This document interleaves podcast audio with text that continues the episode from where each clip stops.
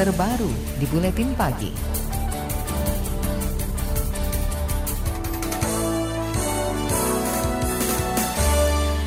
Kementerian Energi dan Sumber Daya Mineral atau ESDM menggodok kebijakan pengurangan subsidi gas LPG 3 kg. Direktur Jenderal Migas Kementerian ESDM Joko Siswanto menyebut pemerintah akan membatasi subsidi gas LPG jenis melon itu. Joko berdalih penyesuaian harga dan pembatasan subsidi lantaran penyaluran gas LPG melon tidak tepat sasaran. Namun ia tidak merinci jumlah penerima subsidi tidak tepat sasaran ini. Joko hanya menyebut nantinya akan ada perubahan sistem subsidi berbentuk penyaluran uang tunai untuk keluarga miskin. Ya ditransfer, kan datanya udah ada langsung. Nanti misalnya dia beli tabung berapa? Nah, misalnya subsidinya 10 ribu atau 20 ribu per tabung. Ya nanti ditransfer 20 ribu. Nah misalnya dia belinya dua, kan nanti kelihatan tuh dia dikasih kayak semacam kode khusus gitu. Nah, nanti orang itu kelihatan belinya di mana, berapa tabung kan dia kelihatan tuh. Nah ya udah ditransfer ke rekening orang itu. Dirjen Migas Kementerian ESDM Joko Siswanto mengklaim pembatasan subsidi akan menghemat pengeluaran negara hingga 30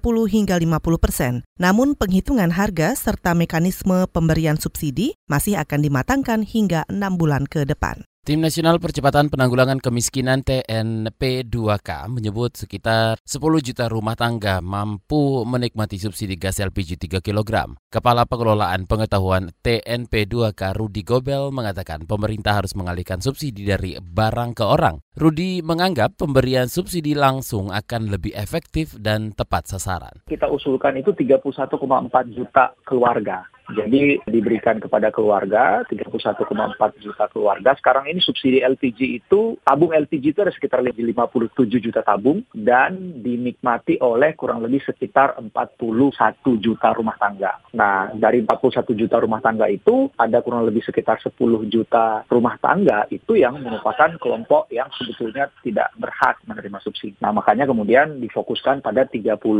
juta keluarga yang benar-benar dianggap uh, membutuhkan memberikan subsidi ini. Gitu. Kepala Pengelolaan Pengetahuan TNP 2K Rudi Gobel menyarankan pemerintah menggunakan teknologi biometri wajah. Teknologi biometri ini akan memindai wajah penerima subsidi melalui aplikasi. Rudi memprediksikan kebijakan ini paling cepat diterapkan pada semester 2 tahun 2020 karena perlu adanya penyesuaian regulasi, pendataan, penyiapan mekanisme serta teknologi pemberian subsidi. Asosiasi Usaha Mikro Kecil Menengah atau UMKM menolak rencana kebijakan pemerintah yang akan membatasi LPG 3 kg bersubsidi dan menggantinya dengan penyaluran uang tunai. Ketua Asosiasi UMKM Ihsan Ingratubun menyebut, kebijakan itu justru akan merugikan pedagang-pedagang kecil yang selama ini bergantung pada LPG melon bersubsidi. Menurutnya, jika aturan itu diterapkan akan berimbas pada naiknya biaya produksi hingga harga jual barang. Kita menolak kebijakan tersebut karena kebijakan tersebut itu parameternya salah. Gas melon atau 3 kg itu digunakan betul-betul usaha mikro yang jumlahnya sekitar 55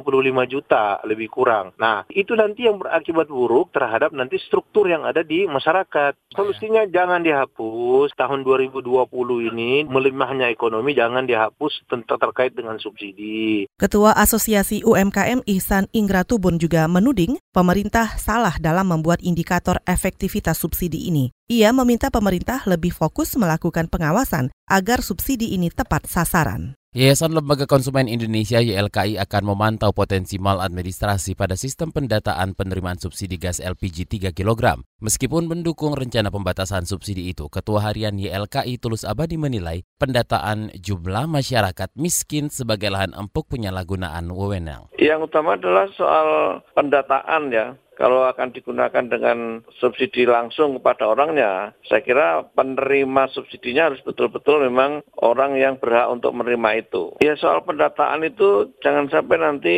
pendataan itu terjadi eh, kong kali kong antara misalnya si A dimasukkan sebagai penerima subsidi karena dia dekat dengan ketua RT-nya atau dekat dengan ketua RW-nya sementara si B yang notabene lebih berhak tidak mendapatkan karena dia tidak kenal dengan ketua RT atau ketua RW-nya atau orang-orang tertentu. Ini yang harus kita waspadai. Mengenai usulan penerapan sistem biometri pemindaian wajah oleh Tim Nasional Percepatan Penanggulangan Kemiskinan, Ketua Harian LKI Tulus Abadi mempertanyakan kesiapan pemerintah dalam melaksanakan program ini. Di samping itu, mekanisme itu dinilai menyulitkan masyarakat penerima subsidi. DPR mengimbau agar tidak ada penyelewengan dalam mekanisme pemberian subsidi LPG 3 kg secara tunai kepada orang tidak mampu. Anggota DPR yang membidangi gas dan energi, Edi Suparno, mendukung terobosan itu. Kata dia, terobosan ini untuk mengurangi beban anggaran pemerintah terhadap subsidi LPG. Namun ia meminta pemerintah memperhatikan mekanisme penyaluran subsidi agar lebih jelas dan tidak justru menimbulkan masalah baru. Ya tentu kita kan perlu mempelajari lagi detailnya, kita perlu pelajari mekanisme pelaksanaannya, kita perlu pelajari lagi bagaimana untuk memastikan bahwa data yang dimiliki itu bisa dipergunakan secara valid untuk memberikan subsidi berupa dana tunai kepada mereka berhak untuk menerimanya. Jadi ini membutuhkan juga kerjasama antara Kementerian SDM dengan Kementerian Sosial. Anggota DPR yang membidangi Bidang Gas dan Energi Edi Suparno juga menyebut terobosan itu perlu dilakukan agar penyalahgunaan LPG bersubsidi tidak terjadi lagi. Sebab selama ini banyak orang mampu yang justru menggunakan LPG melon. Akibatnya di beberapa daerah terjadi kelangkaan karena kehabisan stok. Rencananya DPR akan mengundang Kementerian Energi dan Sumber Daya Mineral untuk membahas mekanisme ini secara komprehensif. Anda tengah mendengarkan KBR, radio berjaringan yang berpredikat terverifikasi oleh Dewan Pers.